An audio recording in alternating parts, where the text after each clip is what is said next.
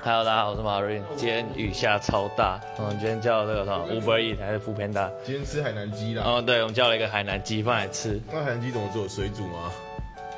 不是啊，海南鸡是用海煮的，不然为什么叫海南鸡呢？